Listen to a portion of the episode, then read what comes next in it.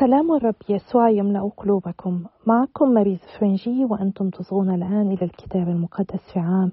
حيث سنتعرف أكثر إلى صوت الرب ونسعى لنعيش حياتنا على ضوء الكتاب المقدس. نحن مستمرون في قراءتنا من سفر التكوين إلى سفر الرؤيا. نحاول أن نكتشف قصة الخلاص وأين نحن منها. لقد وصلنا إلى اليوم المئة والسادس والأربعون. نحن نسير قدما في هذه المسيرة مع الكتاب المقدس. بعد أسبوع إن شاء الله سنتوقف عن قراءة العهد القديم وسيكون لنا محطة ثانية مع المسيح من خلال قراءة إنجيل القديس مرقس. اليوم سنقرأ الفصل الخامس من سفر الملوك الأول والفصلين السابع والثامن من سفر الأخبار الثاني وسنصلي المزمور السادس والستون. سفر الملوك الأول الفصل الخامس وكان سليمان متسلطا على جميع الممالك من النهر إلى أرض فلسطين وإلى حدود مصر يحملون إلى سليمان الجزية خاضعين له كل أيام حياته. وكان طعام سليمان في كل يوم ثلاثين كرا من السميد وستين كرا من الدقيق وعشر بقرات مسمنة وعشرين بقرة من المرعى ومائة من الضأن. هذا غير الأيائل والظباء واليحامير وسمان الطير لأنه كان متسلطا على كل ما قبل النهر من تفساح إلى غزة على جميع ملوك ما قبل النهر. وكان بينه وبين جميع من حوله سلم من كل جهة. وأقام يهوذا وإسرائيل في أمان كل واحد تحت كرمته وتينته من دانا إلى بئر سبع كل أيام سليمان. وكان لسليمان أربعون ألف مرضة لخيل مركباته واثنا عشر ألف فرس. وكان هؤلاء المحافظون يمولون الملك سليمان وجميع المدعوين إلى مائدة الملك سليمان كل واحد في شهره. ولم يكونوا يتركون عوزا لشيء وكانوا يأتون بالشعير والتبن للخيل ولحيوانات الجر إلى المكان الذي يكون فيه سليمان كما يؤمرون. شهرة سليمان وأعطى الله سليمان حكمة وفهما واسعا جدا ورحابة صدر كالرمل الذي على شاطئ البحر ففاقت حكمة سليمان حكمة جميع أهل المشرق وكل حكمة مصر وكان أحكم من جميع الناس من أيتان الأزراحي وهيمان وكلكولة ودرداع بني محول وشاع اسمه بين جميع الأمم في كل جهة. وقال ثلاثة آلاف مثل وكانت أناشيده ألفا وخمسة أناشيد. وتكلم في النبات من الأرز الذي على لبنان إلى الزوفة التي تنبت في الحائط وتكلم في البهائم والطيور والزحافات والأسماك وكان يأتي من جميع الشعوب لسماع حكمة سليمان ومن قبل جميع ملوك الأرض الذين سمعوا بحكمته. سليمان يبني الهيكل والقصر التمهيد لبناء الهيكل وأرسل حيرام ملك صور رسله إلى سليمان لأنه سمع أنه قد مسح ملكا مكان أبيه إذ كان حيرام لم يزل محبا لداود كل أيامه. فأرسل سليمان إلى حيرام يقول قد علمت أن داود أبي لم يقدر أن يبني بيتا لاسم الرب إلهه بسبب الحروب التي أحاطت به حتى جعل الرب عداءه تحت أخامس قدميه. والآن فقد أراحني الرب إلهي من كل الجهات فليس من خصم ولا حادثة شر. وها أنا ذا قد نويت أن أبني بيتا لاسم الرب إلهي كما كلم الرب داود أبي قائلا إن ابنك الذي أقيمه مكانك على عرشك هو يبني بيتا لاسمي. والآن فمر بأن يقطع لي أرز من لبنان وخدامي يكونون مع خدامك وأجرة خدامك أؤديها إليك بحسب كل ما ترسم لأنك تعلم أن ليس فينا من يعرف بقطع الشجر مثل الصيدونيين. فلما سمع حرام كلام سليمان فرح فرحا عظيما وقال تبارك اليوم الرب الذي رزق داود ابنا حكيما على هذا الشعب الكثير. وأرسل حرام إلى سليمان وقال قد سمعت ما أرسلت به إلي وأنا أحقق كل رغبتك في أمر خشب الأرز وخشب السرو وخدامي ينزلون ذلك من لبنان إلى البحر فأجعله أطوافا في البحر إلى المكان الذي تسميه لي. وأفكه هناك فتأخذه وأنت تحقق رغبتي بإعطائك طعاما لبيتي. فكان حرام يبعث إلى سليمان بخشب الأرز وخشب السرو على حسب رغبته وأدى سليمان إلى حرام عشرين ألف كر من الحنطة طعاما لبيته وعشرين ألف كر من زيت الزيتون المدقوق وكان سليمان يعطي حرام مثل ذلك في كل سنة. وأعطى الرب سليمان الحكمة كما كلمه. وكان بين حرام وسليمان سلم وقطعا كلاهما عهدا. وسخر الملك سليمان من كل إسرائيل وكان المسخرون ثلاثين ألف رجل. وكان يرسل منهم إلى لبنان عشرة آلاف في الشهر مناوبة. فيكونون في لبنان شهرا وفي بيوتهم شهرين. وكان أدونيرم قيما على السخرة وكان لسليمان سبعون ألف رجل يحملون الأثقال وثمانون ألفا يقلعون الحجارة في الجبل ما عدا رؤساء محافظي سليمان القائمين على الأعمال. وهم ثلاثة آلاف وثلاثمائة يشرفون على القوم الذين يعملون العمل. وأمر الملك أن يقلعوا حجارة كبيرة حجارة ثمينة لتأسيس البيت بالحجارة المنحوتة. فنحتها بناؤو سليمان وبناؤو حرام والجبليون وهيئوا الأخشاب والحجارة لبناء البيت. سفر الأخبار الثاني الفصل السابع. ذبائح عيد التدشين. ولما أتم سليمان الصلاة نزلت النار من السماء وأكلت المحرقة والذبائح وملأ مجد الرب البيت. فلم يستطع الكهنة أن يدخلوا بيت الرب لأن مجد الرب ملأ بيت الرب. وكان جميع بني إسرائيل يعينون نزول النار ومجد الرب على البيت. فجثوا ووجوههم إلى الأرض على البلاط وسجدوا وحمدوا الرب فإنه صالح فإن للأبد رحمته.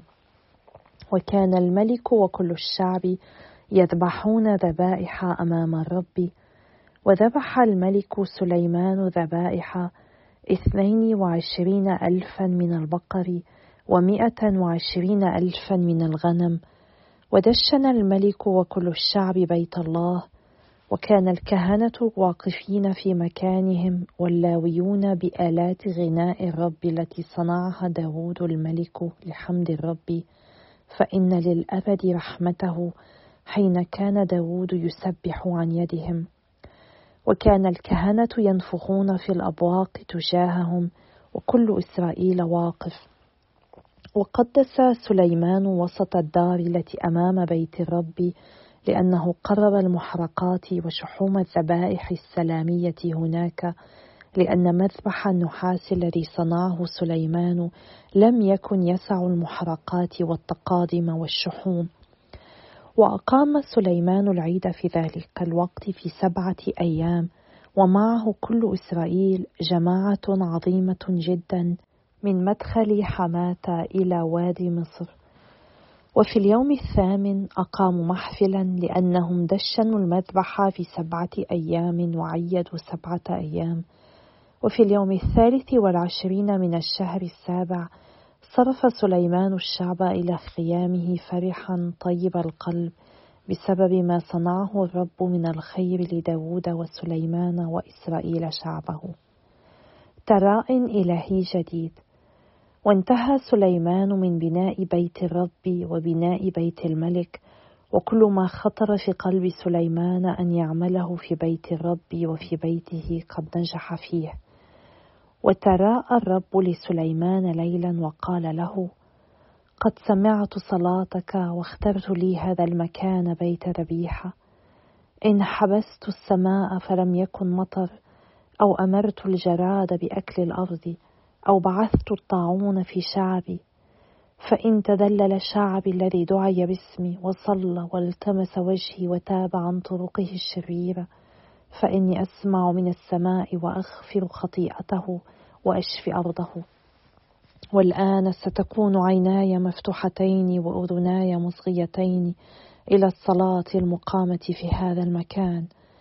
فمنذ الآن اخترت هذا البيت وقدسته ليكون اسمي فيه للأبد وستكون عيناي وقلبي هناك كل الأيام وأنت إن سرت أمامي كما سار داود أبوك وعملت بكل ما أمرتك به وحفظت فرائدي وأحكامي أثبت عرش ملكك كما عهدت داود أباك قائلا لا ينقطع لك رجل يتسلط على إسرائيل.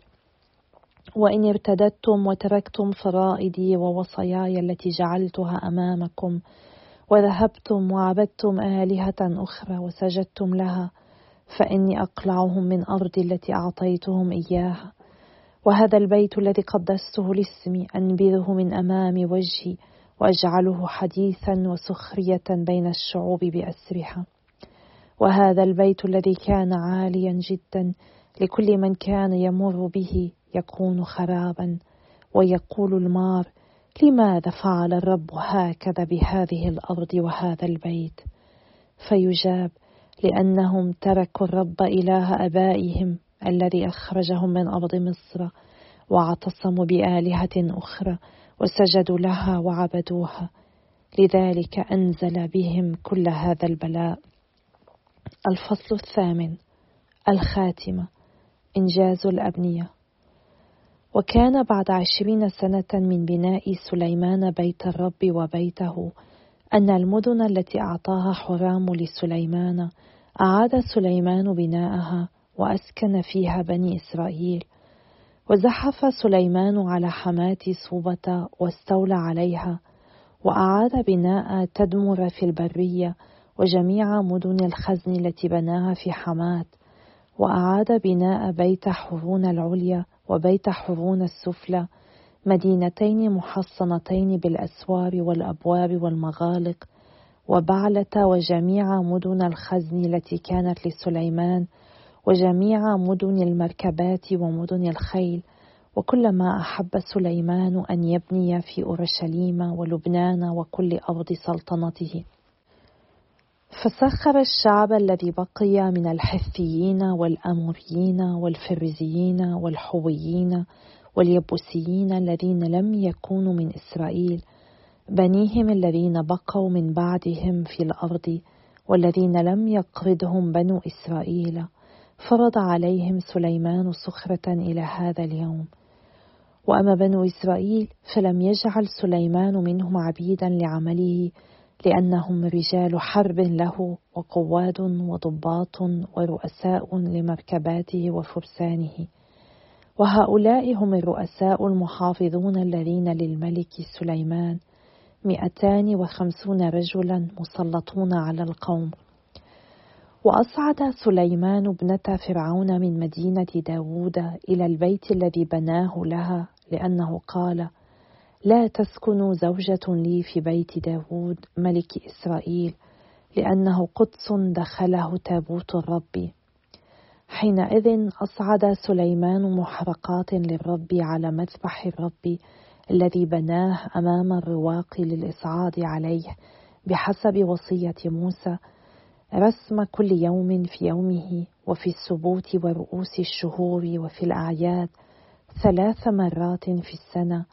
في عيد الفطير وعيد الأسابيع وعيد الأكواخ وأقام بحسب ترتيب داود أبيه فرق الكهنة في خدمتهم واللاويين في وظائفهم ليسبحوا ويخدموا أمام الكهنة رسم كل يوم في يومه والبوابين بفرقهم عند باب فباب لأنها هكذا كانت وصية داود رجل الله فلم يعدل عن وصية الملك للكهنة واللاويين في كل أمر وفي الخزائن.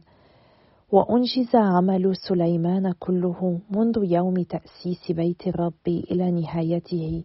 وهكذا أكمل بيت الرب.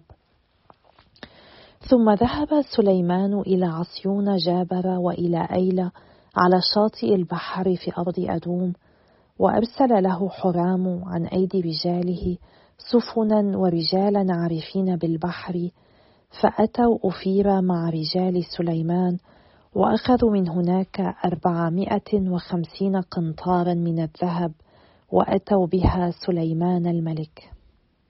المزمور الستة والستون لإمام الغناء نشيد مزمور. اهتفوا لله يا أهل الأرض جميعا أعزفوا لمجد اسمه واجعلوا تسبيحه تمجيدا. قولوا لله ما أرهب أعمالك لعظم عزتك يتملق أعداؤك.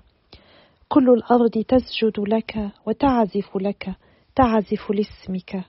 سلاه هلم فانظروا أعمال الله المرهوب في صنيعه إلى بني آدم. إلى يبس حول البحر وبالأرجل عبروا النهر. هناك فرحن به. بجبروته يسود للأبد وعيناه تراقبان الأمم فلا يتشامخ المتمردون. سلاه بارك إلهنا أيتها الشعوب وأسمع صوت تسبيحه. هو الذي جعل في الحياة نفوسنا ولم يسلم إلى الزلل أقدامنا. اللهم لقد امتحنتنا وتمحيص الفضة محصتنا في المسيدة أوقعتنا وأثقلت كواهلنا. أركبت على رؤوسنا إنسانا فخضنا النار والماء ثم أخرجتنا فانتعشنا. أدخل بيتك بالمحرقات وأوفيك نذوري التي تلفظت بها شفتاي ونطق بها في الضيق فمي. أصعد لك محرقات ثمانا مع دخان الكباش. أقرب بقرا وتيوسا. سلاه. هلم اسمعوا يا من يتقون الله جميعا فأحدثكم بما صنع لنفسي. إياه دعوت بفمي وعظمت بلساني. لو كنت رأيت إثما في قلبي لما استمع السيد لي. ولكن الله قد استمع لي وأصغى إلى صوت صلاتي. تبارك الله الذي لم يرد صلاتي ولا رحمته عني.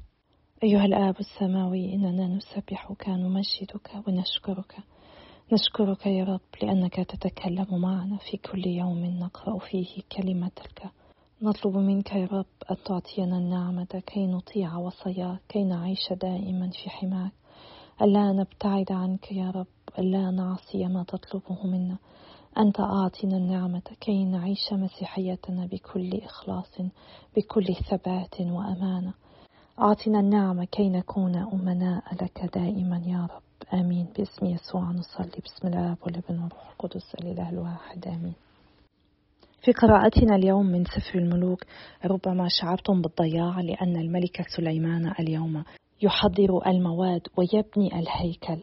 بعد أن سمعنا بالأمس أن بناء الهيكل قد تم في سفر الأخبار فلنتذكر أن سفر الملوك يروي لنا القصة كما تحدث بينما سفر الأخبار يخبرنا القصة بعد أن حدثت سنين طويلة بعد أن حدثت. سمعنا اليوم أن علم سليمان الفائق أو حكمته الرائعة ظهرت وانتشرت في ممالك العالم مما جعل ملوك ورؤساء العالم يأتون لمقابلته والتمتع برؤية وسماع حكمته. وهذا درس لنا علينا أن ننتهز كل فرصة كي نتعلم من حكمة الآخرين وكي نتتلمذ على أيدي الإخوة الروحيين. ويمكننا أيضا أن نتعلم من حكمة الذين سبقونا ومن سير القديسين. الملك سليمان طلب معونة ملك سور حتى يستطيع أن يبني الهيكل. هذا التعاون كان مهما جدا وعلينا أن نفهم أن التعاون مع الآخرين يتيح لنا الاستفادة من خبرتهم وتحقيق نجاح أكبر. ولكن التعاون مع الآخرين يتطلب التواضع. فلنطلب من الرب نعمة التواضع حتى نستطيع أن نتعاون مع الآخرين. في سفر الأخبار قرأنا كيف أن الرب استجاب لصلاة سليمان في تكريس الهيكل بإنزال نار من السماء لتأكل المحرق والذبائح المقدمة. كما لو أن الرب يعلن رضاه وقبوله عما كان يحدث. وهنا تذكير لنا لأهمية دور الهيكل. إن الهيكل أساسي لعبادة الرب. لأن حضور الرب سيبقى هناك. وعلينا نحن أن نتذكر دائما أنه يجب أن نعبد الله بالطريقة التي هو يريدنا أن نعبده. لذلك الكنيسة لها دور مهم في حياتنا. لا يكفي أن أصلي في منزلي. علي أن أذهب إلى الكنيسة حيث يمكنني أن أشارك في الذبيحة الإلهية وأعبد الله كما هو يطلب منا. الرب في ترائيه مرة ثانية لسليمان كان يذكره بأنه هو سيكون معه كما كان مع داود أبيه إذا تبعه ولكن إذا خدم آلهة أخرى فإن الله سيخرجه من الأرض. وذكر الرب سليمان أنه كلما كان الناس غير مخلصين الله يظل أمينا ويجب على الناس أن يعودوا إليه أن يطلبوا المغفرة والشفاء أن يرجعوا إلى عبادة الهيكل في حضوره وطاعته لوصاياه. والرب قد أعطى تحذيرا مباشرا لسليمان ولكن للأسف سليمان لم يبقى قريبا من الله. بل سمح لأمور كثيرة أن تبعده عن الله الذي أعطاه حكمة رهيبة ولكنه لم يكن مطيعا كما يجب. الله حذره من البقاء مخلصا. ولكن سليمان تزوج من نساء وثنيات وبدلا من أن يدخلهن في العهد مع الرب سمح لهن بأن يستمروا في عبادة آلهتهن الباطلة. مما فتح له الباب كي يعبد الأصنام ويبتعد عن الله. إن العباده التي يطلبها الله من كل واحد منا هي أن نطيعه. هذه هي التضحية التي يطلبها يريدون أن نطيع وصاياه. رغم أن سليمان كان من أحكم الرجال في إسرائيل إلا أنه لم يشأ أن يطيع الرب. هو أيضا جعل لنفسه الكثير من المركبات والفرسان تماما عكس ما حذر الله الملوك من القيام به. ونحن كثيرا ما نعرف ما يجب علينا أن نفعل ولكننا نرفض أن نفعله. نريد أن نتمم إرادتنا. نحن غالبا نتصرف مثل سليمان. علينا أن نتذكر أن الطريق الوحيد كي نحب الله كي نعيش هذه المحبة. هي بأن نطيعه وأن نحب أخانا. وعلينا أن نطلب من الرب النعمة كي نفعل ذلك. لذلك نحن بحاجة جدا إلى صلاة بعضنا البعض لأنه من الصعب علينا أن نفعل ذلك بدون نعمة الرب. إن طاعة الرب ليست سهلة. فلنقضي بعض الوقت اليوم نتأمل في حياتنا أين نحن نرفض أن نطيع الله ونصلي من أجل بعضنا البعض. كي نتغلب على رغباتنا الشخصية ونطيع الله ونتمم مشيئته في كل شيء. وإلى اللقاء غدا يوم آخر إن شاء الله.